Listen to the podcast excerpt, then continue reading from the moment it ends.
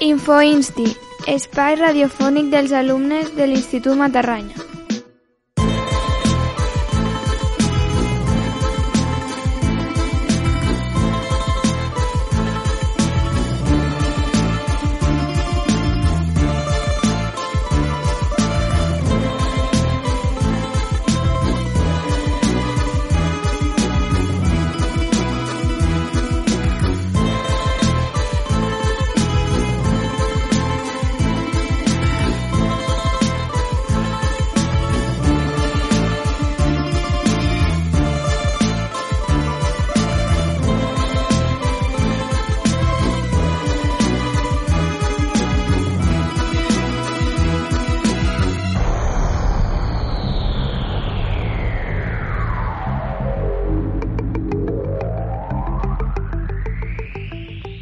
Bones, benvinguts i benvingudes a l'Infoinsti, l'espai radiofònic dels alumnes de l'IES Matarranya a Ràdio Matarranya, que s'emet cada divendres.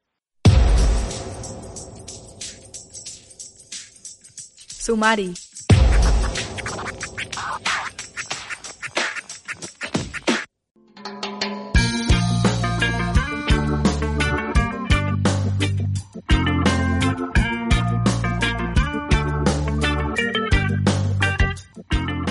Avui, dia 4 de desembre de 2020, us hem preparat el programa número 4 de la cinquena temporada de l'Infoinsti, amb els següents continguts. En l'apartat de notícies tenim els següents titulars. L'IES Matarranya participa a la setena Wikimarató de la llengua catalana. Els alumnes de quart d'ESO comencen a preparar el viatge de fi de curs amb molta incertidumbre. Xerrada sobre l'escut d'Aragó per l'alumnat de segon d'ESO. A més, tindrem els apartats de Els monuments del Matarranya. Els jovens també opinem i la cançó recomanada d'avui serà Infectats, del grup Los Draps. Comencem.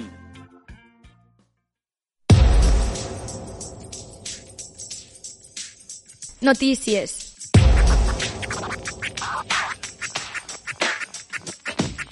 Matarranya participa a la setena Wikimarató de la llengua catalana.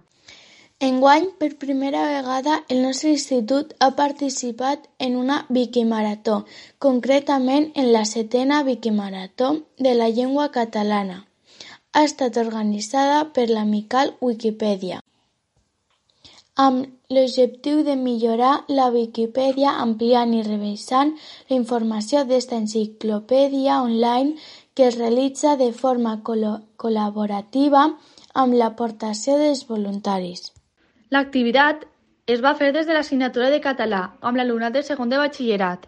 Com que el lenguant d'enguany eren els lingüistes, es van dedicar a millorar la informació de la Wikipedia sobre els principals estudiosos de la llengua catalana a Aragó. Artur Quintana, de la Codonyera, Héctor Moret, de Mequinensa, Josep Galana, de Fraga i Ramon Sisac, de Camporreis. En esta edició tot s'ha fet per internet pel tema del Covid-19 i també per primera vegada ha participat Aragó i els set territoris on es parla català.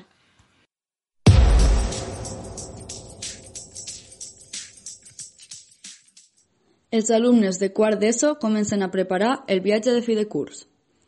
En els últims dies, els alumnes de quart d'ESO han començat a preparar el viatge de fi de curs. A pesar de les circumstàncies incògnites de la situació actual, han agafat l'activitat amb ganes. El primer que van fer va ser proposar països que podien ser interessants per visitar, i els elegits van ser Portugal, Itàlia, Croàcia i centre d'Europa, Viena, Budapest i Praga.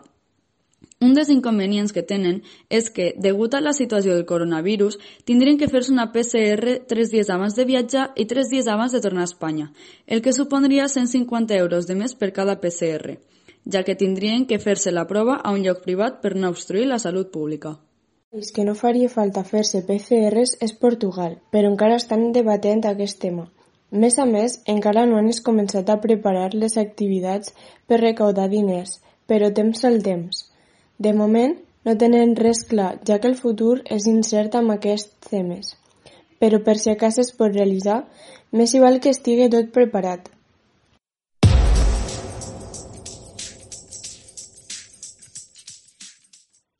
Xerrada sobre l'escut d'Aragó.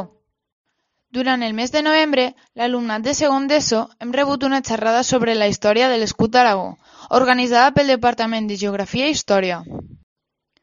Ens van explicar el simbolisme dels elements que apareixen a l'escut d'Aragó.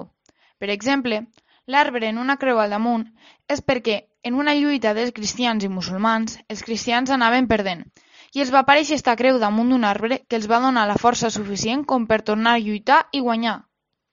La creu blanca que hi apareix amb un fons blau es deu a que quan un soldat es va perdre camí a una batalla, la creu li va assenyalar el lloc per on anar i així va arribar intacte a la batalla. La creu roja amb els quatre negres és així perquè Sant Jordi, un cavaller molt valent, a una de les guerres va matar ell sol a quatre dels més importants reis musulmans de la península ibèrica i el seu símbol és una creu roja. Així, Ara ja sabem la història de l'escut d'Aragó, per poder-lo interpretar quan es puguen tornar a celebrar les festes dels pobles i ens tornem a engalanar amb els nostres símbols. Els monuments del Matarranya.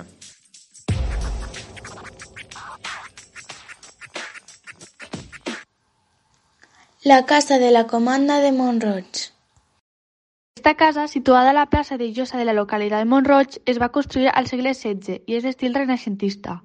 Segons la tradició oral, era la residència de combinador de l'Orde de Calatrava en la via que tenia el poder del territori en l'època medieval i moderna. Com a totes les cases de la comanda, era el lloc on es recaudaven els impostos, que en aquell període eren en forma d'espècies i els veïns pagaven una part de les collites com a tribut. Per això, hi ha gent que diu que aquesta casa era com un banc de diners.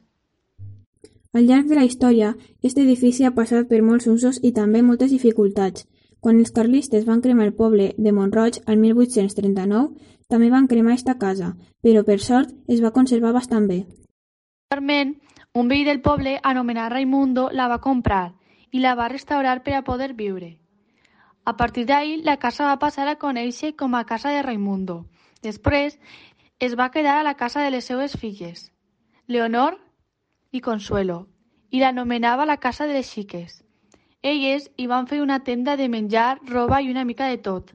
Com a anècdota, compta la gent major del poble que antigament tots eren molt pobres i no tenien de res, i els xiquets, mig en broma, mig en sèrio, anaven a robar-los una mica de xocolata de la tenda. Quan aquestes dones es van morir, la casa va passar a ser del seu germà Custodio, que vivia a Benicarló, però pujava a passar l'estiu sempre a la casa. La filla de Custodio va heretar la casa i va continuar pujant als estius al poble amb els seus fills. La petita és ella Teresa Maria, ma mare, que va ser qui es va quedar a la casa i ara hi vivim la meva família casa de la Comanda em pareix molt bonica perquè està construïda de pedra del castell que havia a Montroig a l'edat mitjana. A més, és una de les cases més antigues de tot el poble i el més important, té vida i està en ús i continuarà escrivint capítols de la història de Montroig.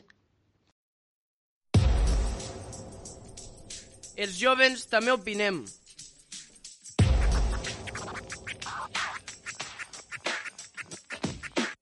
Avui, als Jóvens també opinem, Neus Bonet, de la Torre del Conte, de segon de batxillerat, reflexiona sobre el tema de la tauromàquia.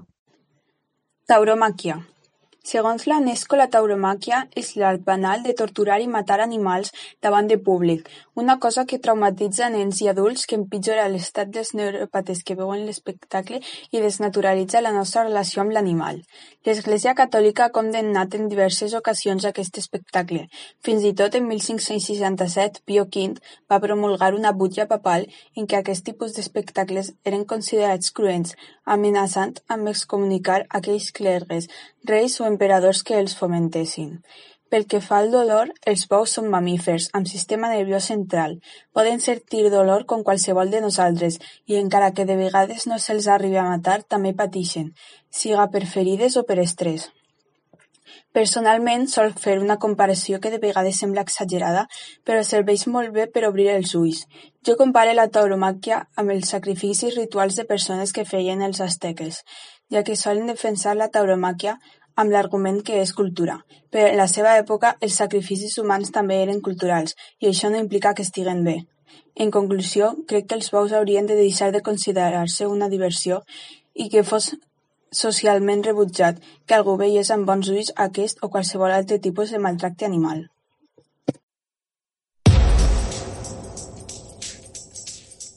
La cançó recomanada.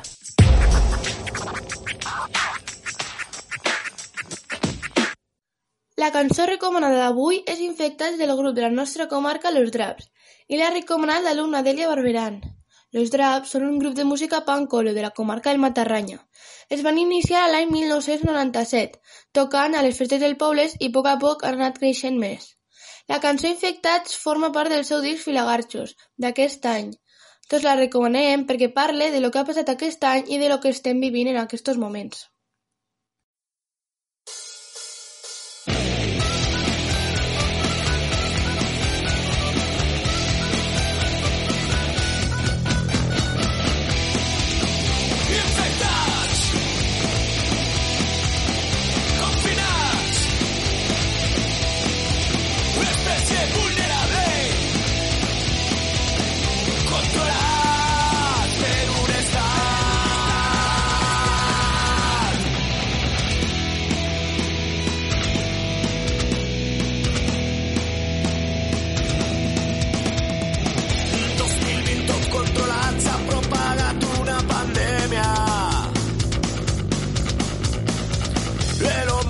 friends zone for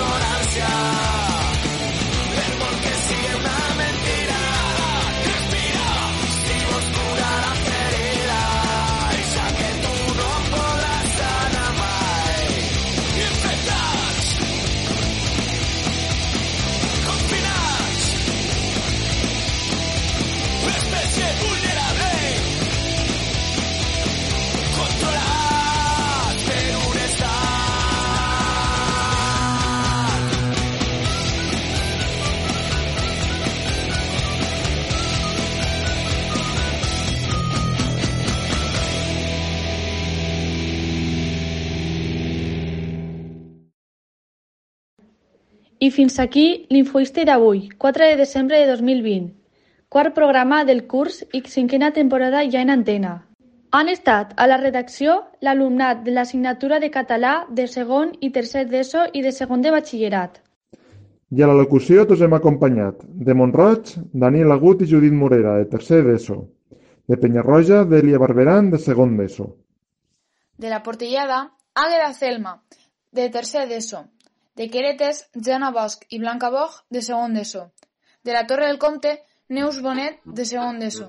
I finalment, de Vallderrobres, Andrea Puigol, de segon de batxillerat.